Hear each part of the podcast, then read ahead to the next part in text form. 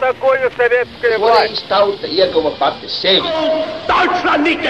Liktenīgas nejaušības un slēptas likumsakarības, subjektīvas patiesības un objektīvi aizspriedumi. Pēc atkušņa nekad nenāk uzreiz pavasars, bet sākās Arī šodien cilvēki ir ļoti tūredzīgi. Viņi redz to naudu, kas ir. Televīzijā jau pamatā notiek cīņa par varu. Pagātne no šodienas skatu punkta un šodienas caur pagātnes prizmu. Raidījumā šīs dienas acīm. Latvijas radio eterā Eduards Liniņš. Labdien, cienījamie klausītāji! Šodien mums atkal ir kāds jubilārs, un uh, runa ir par filozofu, literatūra kritiķi Zentu Mauriņu, kura ieraudzīja šīs pasaules gaismu 1897. gada 15. Decembrī pēc vecā stila, vai attiecīgi 29. pēc jaunā stila. Mans sarunbiedrs šodien ir literatūras zinātnieks un filozofs Edgars Mucenieks. Runājot par Zentu Mauriņu, jāsaka tā, ka viena no tām personībām, kuras liktenis ļoti cieši saistīts ar Latvijas valsti, jo tā tad nākusi pasaulē apmēram 20 gadus pirms Latvijas pirmās neatkarības, līdz ar to kā personība nobriedusi tieši tajā laikā, kad arī top un veidojas jaunā Latvijas valsts. Un vēlāk, kā ļoti daudzi no viņas paudzes, līdz ar neatkarības zaudēšanu devusies trimdā un savu mūžu noslēgusi tur. Līdz ar to šeit, Latvijā, apmēram 50 gadus, tikpat kā nezināma. Man jāsaka, es arī ar Zentu Mauriņu iepazinos vēl vidusskolas laikā tikai pateicoties tam, ka mājas bibliotekā bija daži 30. gados iznākuši Zentas Mauriņas darbi. Ar ārkārtīgi interesi lasīju par Raini. Tā man bija diezgan pārsteidzoša pieredze, jo tādam padomju vidusskolniekam, kuru iepazīstināja ar uh, tā laika Raina traktējumu, kas bija ļoti tendēts, kā zināms, uz pamatšķiru, tad Mauriņa runāja pirmkārt par Raini kā par lielās vientulības dzinieku. Pretstats starp šiem diviem viedokļiem bija man pašam ļoti interesants un produktīvs tajā brīdī. Ja mēs to visu tā ievērojam, tad pirmais jautājums varētu būt par Zentu Mauriņu. Cik lielā mērā laikmets bija tas, kurš noteica, ka Zenta Mauriņa kļuva par tādu Eiropas domas un, un Eiropas ideju ievedēju Latvijā? Cik lielā mērā tā bija tomēr viņas pašas kaut kāda personības ievirze? Viennozīmīgi es nevaru atbildēt, jo, ja mēs runājam par laikmetu, es pilnīgi piekrītu, ka viņi bija brīvvalsts laikmeta cilvēks, kurš tādi briedumi gadi, jaunība pagāja neatkarīgas Latvijas apstākļos, bet 20. gados viņi tikai mācījās vēl Latvijas universitātē. Viņa bija nepazīstama, viņa uzrakstīja pa kādam retam rakstiņam, nolasīja kādu labu lekciju, bet viņa zināja pulciņš studentu. Viņa varēja, ja viņai bija līdzekļi, ja bija pavadoņi, viņa varēja doties pasaulē, Ja viņa būtu piedzimusi 50 gadus vēlāk, tad diezinu, vai viņa būtu apbraukājusi visas tās zemes un tikusies ar visiem tiem cilvēkiem. Tā kā kaut kādā mērā arī tas laiks deva viņai tās iespējas. Es kādreiz uzdodu sev jautājumu, jā, Mauriņa dzīvot šodienas neatkarīgās Latvijas apstākļos. Teiksim, būtu piedzimusi apmēram 1973. gadā, piemēram. Nu, protams, viņa lieliski pārvaldītu datoru, bez kā viņa nevarētu ne strādāt, ne darboties. Noteikti viņa būtu stājusies kontaktos ar apēnu, viņa būtu kādu sociālo palīdzību, un tagad arī no Eiropas Savienības dabūjusi. Bet kāda būtu rezonance šobrīd mūsu sabiedrībā, zinot mūsu rakstnieku pašreizējo? Popularitāti, to, cik daudz tiek izdota tāda literatūra, kāda patika Zentai Mauriņai, par kādu viņa interesējās, par problēmām, kādām viņa interesējās. Man gan gribētos viņu iedomāties kādā cilvēkiem ar īpašām vajadzībām, būvētā tādā labā ēkā, kur viņi būtu ievietojies dakteris Mauriņš, kurš droši vien tās aploksnes būtu ņēmis un tādu līdzekļu viņam būtu. Dzīvot. Pateicības, pateicības. Pa, es atvainojos, jā. Nu, un, līdz ar to es domāju, ka tā situācija viņai būtu nepateicīgāka, kāda bija tajā laikā, kad viņa dzīvoja. Bet nevarētu arī iedomāties, ka kā tautā teica, brīvvalsts laiki bija viņai tādi ziedu, un tie labākie laiki viņa ļoti sūri un grūti cīnījās tomēr par savu vietu. 20. gadi bija studiju gadi un drusku novēloti, jo viņa iestājās universitātē jau tad, kad viņai jau bija pāri 23 gadiem. Tad vēl mainīja fakultāti, kopā septiņus gadus pavadīja. Viņai bija lieliski mācību spēki, valodniecībā tas bija Enzelīns, filozofijā Teodors Cēlms. Pārlecot laikam, es domāju, nu, ko viņi varētu tagad klausīties. Jā, cool, ļoti labi, jā, pa feminoloģiju un vēl šo to, bet kā būtu ar Enzelīnu, kā būtu ar valodniecību baltu. Viņa uzauga vidē, kurā mājā runāja vācu valodu, mācījās klasiskā Krievu ģimnāzijā, kur viņa apguva eh, franču valodu, kur viņa studēja klasiķus Krievu kādus viņa, nu, varbūt tā padomi gados nevarētu viņa to apgūt tādā veidā, un tāda grāmata par Dostojevsku uzrakstīt.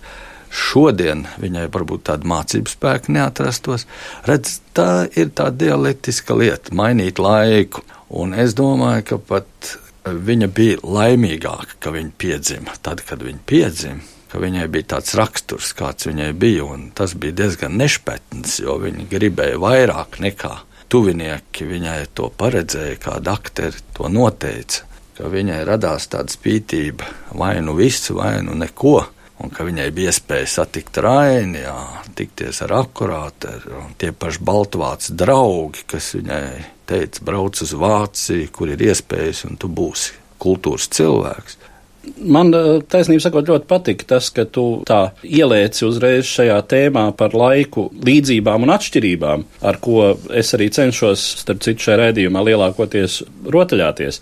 Jo, nu, domājot par to, tiešām kāda būtu Zentas Mauriņas situācija šodien, redz tas, ko tu teici par eh, nepieciešamību, piemēram, braukt uz Eiropu, lai kļūtu par kultūras cilvēku. Šodien, ja mēs tā padomājam, tad nu, informācija pati daudz vairāk atnāk pie mums, nu, kaut vai tas pats internets.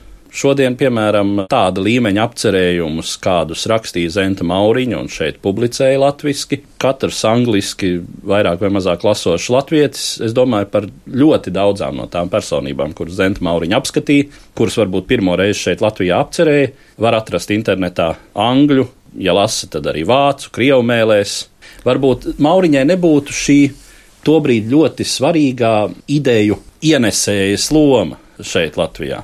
Jā, pilnīgi piekrītu. Un viens no iemesliem ir arī šī informācijas pārbagātība šodien. Viņa varēja būt savā laikā pietiekami universāla. Ja atceramies, Kants varēja vispār apzināt visas zinātnes, kas tagad ir neiespējami. Un tomēr 30. gadu Latvijā viņa varēja ļoti daudz ko pateikt, ko mēs šobrīd varam viegli uzzināt paši. Vispār tā laika Latvijas domas kopaina. Nu, kas jau tur bija tajā brīdī, kad Zenta Mauriņa studēja? Vispirms es parasti izvairos teikt Mauriņa filozofu drīzāk man patīk Kārļa Eglis teiktais literatūra filozofa, kaut gan es saprotu, ka ar to nekas pateikts tāds noteikts nav. Jo, runājot par Zentu Mauriņu, gribu teikt, ka viņai bija viņas pašas vārdiem, sakot, izstrādāts praktiskais pasaules uzskats, kas ir tāda vērtējoša atzinuma vienība pa pasauli kā totalitāte. Tas ir viņas tāds formulējums. Ko ar to saprotot, ka viņai nebija sakārtot uzskatu sistēmu? Viņas pedagogs filozofijā bija Teodors Celms, jo viņa mācījās viņa privātu studijā kontakts vēl pirms sāka studēt un turpināja studiju laikā. Viņa nekļuva par cēlma skolnieci, kurš bija kritiskais realists. Pats viņš sev tādam pieskaitīja, vai kā šodien viņa pieskaita arī feminologiem. Viņa lasīja šos filozofus, pie katra atrada kaut ko sev noderīgu. Viņa veidoja pati savu tādu priekšstatu sistēmu, kā mākslinieks, balstījās uz intuīciju, bet nebija Bergsonieta, nebija tāda Bergsona sekotāja. Viņa uzskatīja, ka viņai kā māksliniekam, kurš pēta kāda radoša personība, Tie atkal viņas var jāieslīd, jāiedziļinās pašā viņa personības būtībā un caur viņu jāiziet uz darbiem tālāk. Viņa skaidro, un tad, tad, tad pats galvenais raksturojušākais jāatrod, un to viņa arī apcer. Tāpēc par viņu saka subjektīvi, kategoriski. Tas nāk no viņas šīs metodas. Tā nebija arī kaut kas jauns. Heidelbergā, kur viņi studēja, tur viņi atrada jā, jau priekšā Gundolfu, un tur jau bija daudz kas darīts.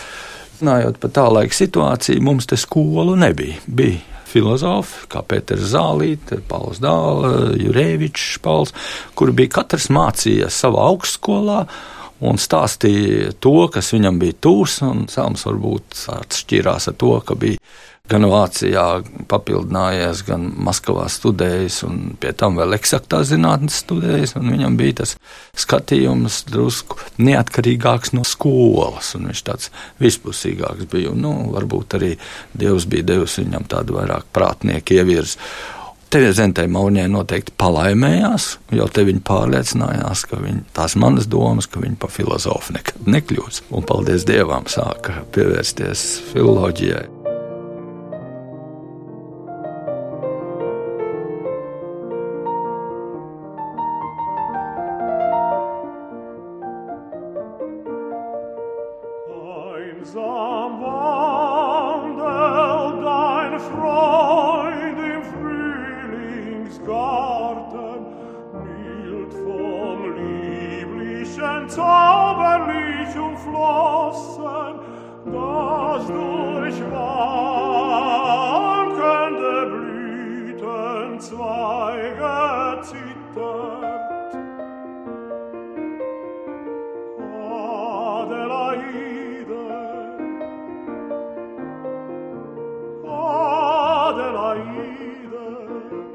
Kamēr viņa bija meitene studente, viņa vēl sastapa Raini, kas viņai ļoti būtiski, un tas ir viņai ideāls uz visu mūžu. Un viņa nekad nav uzrakstījusi pamatīgu pētījumu par Raini. Manā izpratnē viņa to nespēja.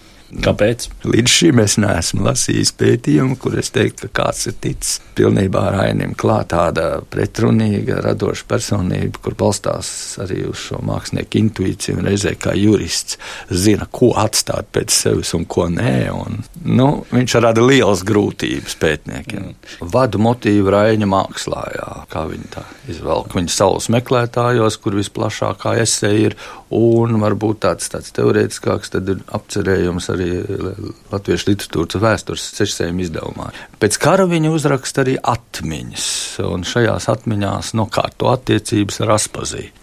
Citiem vārdiem sakot, tāds neliels reverants, jo jaunībā viņa, viņa nav varējusi ciest, un tas ir saprotams, ja mīl raidi, bet vēlāk viņa saprot un sastop viņa tādā vientulībā 43. 42. gadā, pēdējā dzīves gados, un tad viņa to saprot, un tad viņa saprot arī, ko nozīmē divu cilvēku kopā būšana, attiecības, ko nozīmē raņa neusticība, ko nozīmē pārkāpt daudz kam pāri.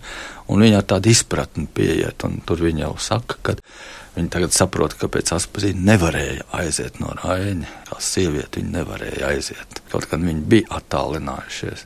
Tas viss atstāja to, protams, iespaidu. Bet arī tālākais, kad viņi nokļūst trimdā, viņa neskaitos pārbraukšanu un smago Vācijas periodu, kas bija gadu ilgs, Zviedrija turpinās viņas tie vēl labie gadi, kad var vēl strādāt, rakstīt, kad ir šie kontakti, kad viņi dodas uz Vāciju lekciju turnējās, un tad no 1946. līdz 65. gadam viņi ļoti intensīvi darbojas. Un tā arī neieiet Zviedru literatūrā un vidē, to atrodot sev pa svešu, bet toties ļoti tuvinās vācu.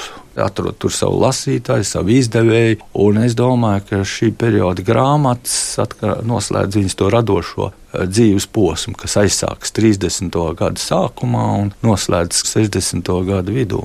Pēc tam jau ir atkārtošanās, memoāri un tāds pārdomas par dzīvi. Vēlreiz runājot par Zentu Mauriņu un viņas laiku, ļoti būtiska nepieciešamība bija tā brīža Latvijas valstī un, un sabiedrībai tādā kultūrālā nozīmē atrast savu vietu, to savu identitāti Eiropas kontekstā.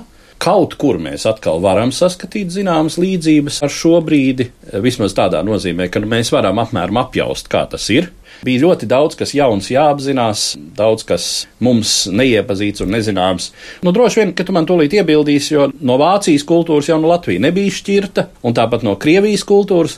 Piemēram, tas, kas notika varbūt anglosakšu visā lielajā sfērā, tomēr nebija tik zināms. Un tādas perifērākas kultūras kā spāņu, itāļu, zināmā mērā arī skandināvu. Tur bija Mauriņai, teiksim, darba lauks. Jā, tur man jāpiekrīt. Ir. Viņa atrada tiešām šo savu nišu, un viņa lieliski jūta to. Viņa bija gadu Itālijā, kur viņa studēja Dantu, iepazinās ar itāļu kultūru, tapa grāmatu, par ko viņa vēlāk slavē, un itāļu nevelti septiņas grāmatas ir tulkojuši vēlāk itāļu valodā. Tālāk e, šis Somijas brauciens, vesela grāmata, ziemeļtēmas un variācijas, un patiesībā interesi par skandināviem uzskatot Krievi, Skandināvi, tās ir tās zemes, pa kurām mums ir visu laiku jāuztur, ir interese, jāseko, jo, nu, tie kaimiņi, tur ir zināms arī vēsturiskas saistības, tulkoja norvēģis gan pastarpināt, izmantojot vācu valodu, jo norvēģi valodu nevarēja kā skalblizēt tulkot. Tālāk Zviedrijā viņa apguva valodu, bet viņa tā dziļi neiegāja. Gan Zviedru literatūrā ir šo to tulkojusi, bet par somiem jāsaka, nu tur ir viņa nopietni piestrādājusi. Un varbūt tāpēc, ka viņa meklē šīs paralēlas vēsturiskās, kas kaut kādas ar somiem mums bija lielākas. Un bija šī pretestība, un tā ir nepieciešama, jo viņu nepieņēma 30. gada režīms kā savējo.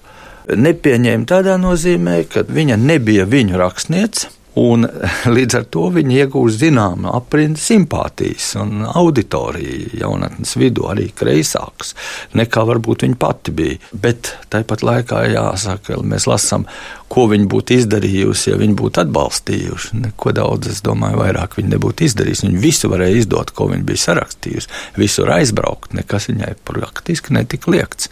Nemācīties augstskolā, ne uzstāties. Tas, ko viņai nav ļāvuši, nav ļāvuši pasniegt. Tas motīvs it kā esot bijis ne tikai tas, ka kreisa var būt, bet arī tas, ka cilvēks ar īpašām vajadzībām. Es pateiktu tieši šis motīvs, jo viņi kandidēja arī gimnāzijās mācīt skolotāju institūtā, pat vienu gadu, 28. un 29. gadu mācību gadu viņi pat mācīja. Un man iznāca tikties ar kādu no audzēkņiem, un, kurš man mācīja pastāstīt, ka viņi kontroldarba laikā sastūmuši solis tā, lai nevar mauriņa ar ratiem iebraukt un apstīties, kā viņš piko. Tā kā nākamie skolotāji jau vien cilvēki vien bija. Bet par politiku man tāda avota nav, kad politiski iemeslu dēļ viņi tiktu atstumti. Tur varbūt bija tā, ka, kā es to iedomājos, tad, nu, kā zināms, Ulmaņa režīmam bija raksturīgs tāds diezgan liels aizdomīgums. Ja Staļina režīms bija tiešām paranoisks, tad Ulmaņa režīms bija tāds sīkmanīgi aizdomīgs. Kaut vai ja mēs atceramies to sarakstu, kas pēc 34. gada apvērsuma tika nosūtīts, ja nemaldos, latviešu rakstnieku, toreiz tā saucās rakstnieku arotbiedrība laikam, ar pieprasījumu izslēgt veselu virkni autoru, kuri nebūtu nebija marksisti. Nu, piemēram, tā sarakstā bija Aleksandrs Čaks, bija Mārtiņš Zīverts, mm. kuri varēja būt un droši vien daudzreiz arī bija katrā ziņā eh, visai skeptiski pret Ulmaņa režīmu. Nu, to droši vien jūtot, un arī Mauriņa visdrīzāk pret Ulmaņa režīmu, saskatot šī režīma nepārprotam komiskās un groteskās puses, varēja būt skeptiski, nu tāpēc viņi arī tā attālināja. Nu, vēl jāatcerās droši vien arī šī režīma, kā padomju laikā teica galma dzēnieks Edvards Virza, un tas anekdotiskais gadījums, kur viņš solījās eh, nodedzināt billītes, ja tā vācieta, kā viņš teica, šeit eh, iebrauks ar savu ratiņkrēslu. Jā, viņš nosauc par vācu aģentu latviešu literatūrā, bet vēl ir viena lieta, ko es domāju. Nemin, ka virzam ļoti patīk skaistas sievietes ar skaistiem augumiem, un Mauriņa laikam netika ieskaitīta šo kategorijā. Stērsļa jau ļoti labi sapratās ar Mauriņu. Un viņa teica, ka dzēniekam pat nedrīkst viņas vārdu minēt, lai viņš nepielektu kājās. Un redz, te nu ir tā, ka Mauriņai bija draugi ļoti dažādās aprindās. Vienīgais ir tādas pārdomas, ja salīdzina laikus vai tā laika cilvēki nebija vairāk spējīgi uz tādu pašaizliedzīgu draudzību. Es domāju, nu, kā piemēram viņas draudzene Elfrīda Lauva, kura tur gadiem ilgi gādāja par viņu, rūpējās. Vai viņai izdotos tik viegli atrast Konstantīnu Raudīvu, 12 gadus pa sevi jaunāku vīrieti, kas kalpot līdz mūža beigām, vai mēs neesam mainījušies drusku cilvēki? Neesam kļuvuši pragmatiskāki šajā laikā. Tāda vēl pārdoma, jo nekas jau nestāv uz vietas un viss mainās. Tādēļ man tāda zināma skepse ir, jo viņi neuzrakstīja arī neko slavinošu par Ulmanu. Tas arī ļoti būtiski. Tas varbūt tika gaidīts, ja neprasīts.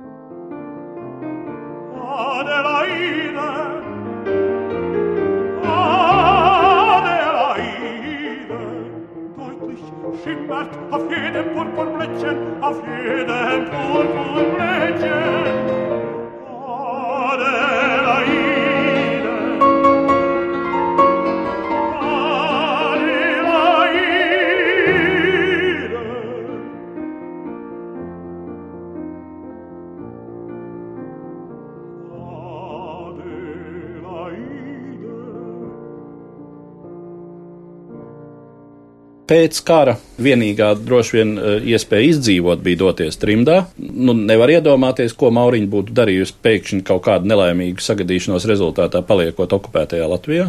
Noteikti, jo pasakojot šim periodam, es atradu materiālus, ka viņi ir aicinājuši karavīrus cīnīties pret bolševismu. Viņi ir eh, palīdzējuši rakstīt eh, ievadu grāmatai Raudevem, kurā ir nosodīta visa sistēma.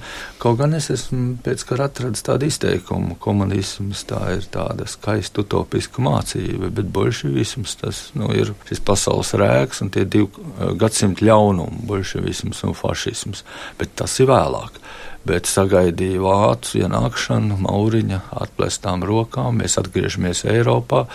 Ļoti daudz paziņu viņu 39. gadā izbraukšu baltvārcieši, ienāk amatos, viņi dodas pie tiem, ir kontakti, viņi var izdot savus grāmatas, un viņi to izmanto, uzstājas publiski. un Tas jau bija zināms. Viss, un, protams, ka Mauriņai nebija šeit iespēja palikt. Un to pašu viņai arī pārmeta Zviedrijā, starp citu, par sadarbību ar Vācu režīmu. Kaut kādā mērā tas jau bija taisnība. Un tāpat varētu teikt, arī kaut kādā mērā viņa cieta, jo raudīja tika apcietināts. Bet viņa varēja panākt viņa atbrīvošanu un to no gestāpa atbrīvot. Ne katrs varēja, tā kā te arī jāsaka, viņa sakari augstākajās eh, pašpārvaldes iestādēs bija lieli. Runājot par to, kur palikt un kā radi jau viņai dzīvoja Zviedrijā, Harijs postītā Vācija nebija ļoti viņai piemērota. Tādēļ varbūt radās šī izvēle Zviedrija, un jāsaka, māsa dzīvoja Stokholmā, un viņa varēja Upselā apmesties, beigās tur bija trīs istabu dzīvoklis ar kamīnu. Un, Šeit, ja viņa teica, viņai trūks dzimtenes, viņai trūks to draugu, trūkst, es vēl teiktu, jaunības, bet pārējais viņai viss bija darbam. Bet viņai vēl pietrūka arī, kā viņa teica, valodas un tās mentalitātes. Runājot par mentalitāti, ir tāds sarežģīts jautājums. Latviskās, vāciskās, cik tālu viņa ir latviska. Es teiktu, ka viņa ir augusi gan latviskā, gan vāciskā vidē. Māte, šī vāciskā mentalitāte, māte, kas uzaugusi vācu kultūrā un tēvs latvietis, apkārt latviešu bērnu grobiņā. Es gribētu teikt, ka eh, Zenta Mauriņš šo savu latviskumu uzspodināja tad, kad tas bija vajadzīgs. Tas bija 30. gados Latvijā, tas bija trimdā latviešu valodā izdotajās grāmatās, bet gods godam viņa vienmēr arī vāciešiem, zviedriem ir teikusi, ka viņa ir latvieti, minējusi rakstniekus, kā brigadēri, kā akurāteri, nu, kur pat tulkoju vāciski. Bet viņa nekad nav aicinājusi kaut kā norobežoties tieši otrādi, iet pāri to mentalitāti, to savdabīgo saglabāt, bet iet pāri tā robežām. Pat ir tāda frāze lietojas kā kritisks, tolerants nacionālisms. Kritisks pret sevi, iecietīgs pret citiem, pret citu tautu īpatnībām bet nacionālisms. Viņš esot vajadzīgs, lai pastāvētu kultūra. Nu, it kā jau ļoti pareizs formulējums. Nu, pat bez it kā. Un par latviskumu kara laikā runājot ar vienu no redaktoriem, teica, ka viņi bija spiest labot valodu. Jau pietika tikai intensīvāk atkal lietot vācu valodu, kā Mauriņa zaudēja to, ko universitātē bija ieguvuši šo latviešu valodu. Tātad vārdu kārtība, precizitāte izteikumos, tā, tā bija jālabo. Un tas pats ir aizbraucot prom. Liela pateicība ir Nemelis, kur lieliski pārzināja latviešu valodu, un viņas redakcijā iznāk visas grāmatas pēckara, kas izdotas latviešu valodā lielākoties Amerikā, arī dažos Zviedrijas apgādos. Un jāsaka, ka viņa atkal atgriežas tā kā bērnībā, un pa pamatu valodu viņai tomēr paliek vācu valoda. Ko viņa teica, man ir viegli runāt mātes valodā. Tas ir vāciski. Jā, un viņai jau bija grūtības uzstāties eh, latviešu vidē. Viņš speciāli tam gatavojās, vairāk citātus esot izmantojis. Jā, no tā varbūt arī nāk nostāstu līmenī priekšstati par to, ka Zenta Mauriņa pēckara periodā esot daudz ko ņēmusi latviešiem ļaunā, reizumis tā visai distancējusies gan no trimdas latviešu sabiedrības, gan no, no latviskuma idejas, bet nu, tas acīm redzot ir eh, pārspīlējums.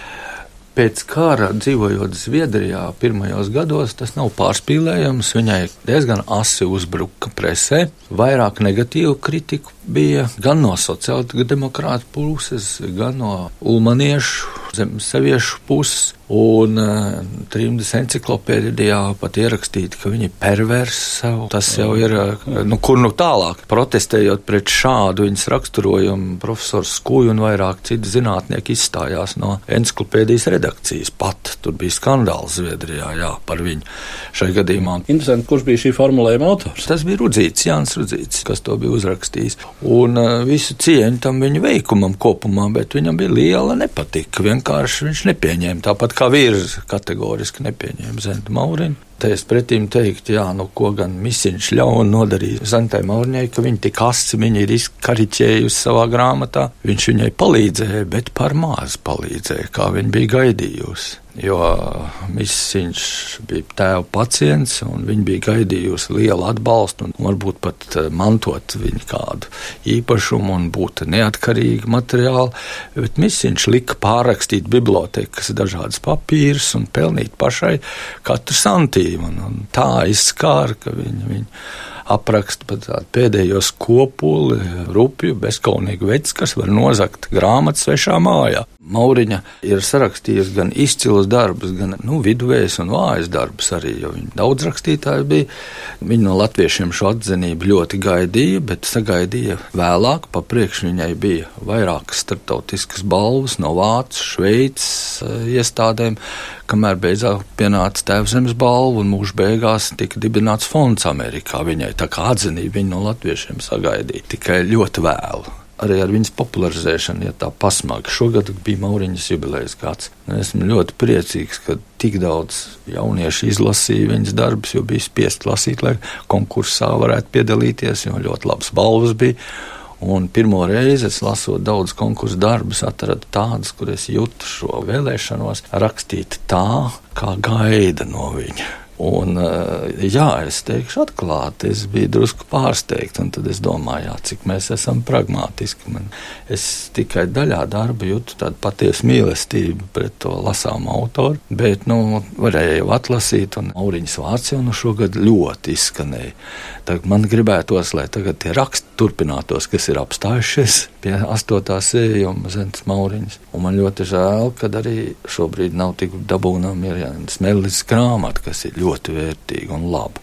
Jo Irēna Mellis 32 gadus kopā strādājot, ir uzrakstījusi gudru grāmatu, kur uzmanīgi lasot, var atrast ļoti daudz atbildes, ko nevar Mauriņas memoāros atrast.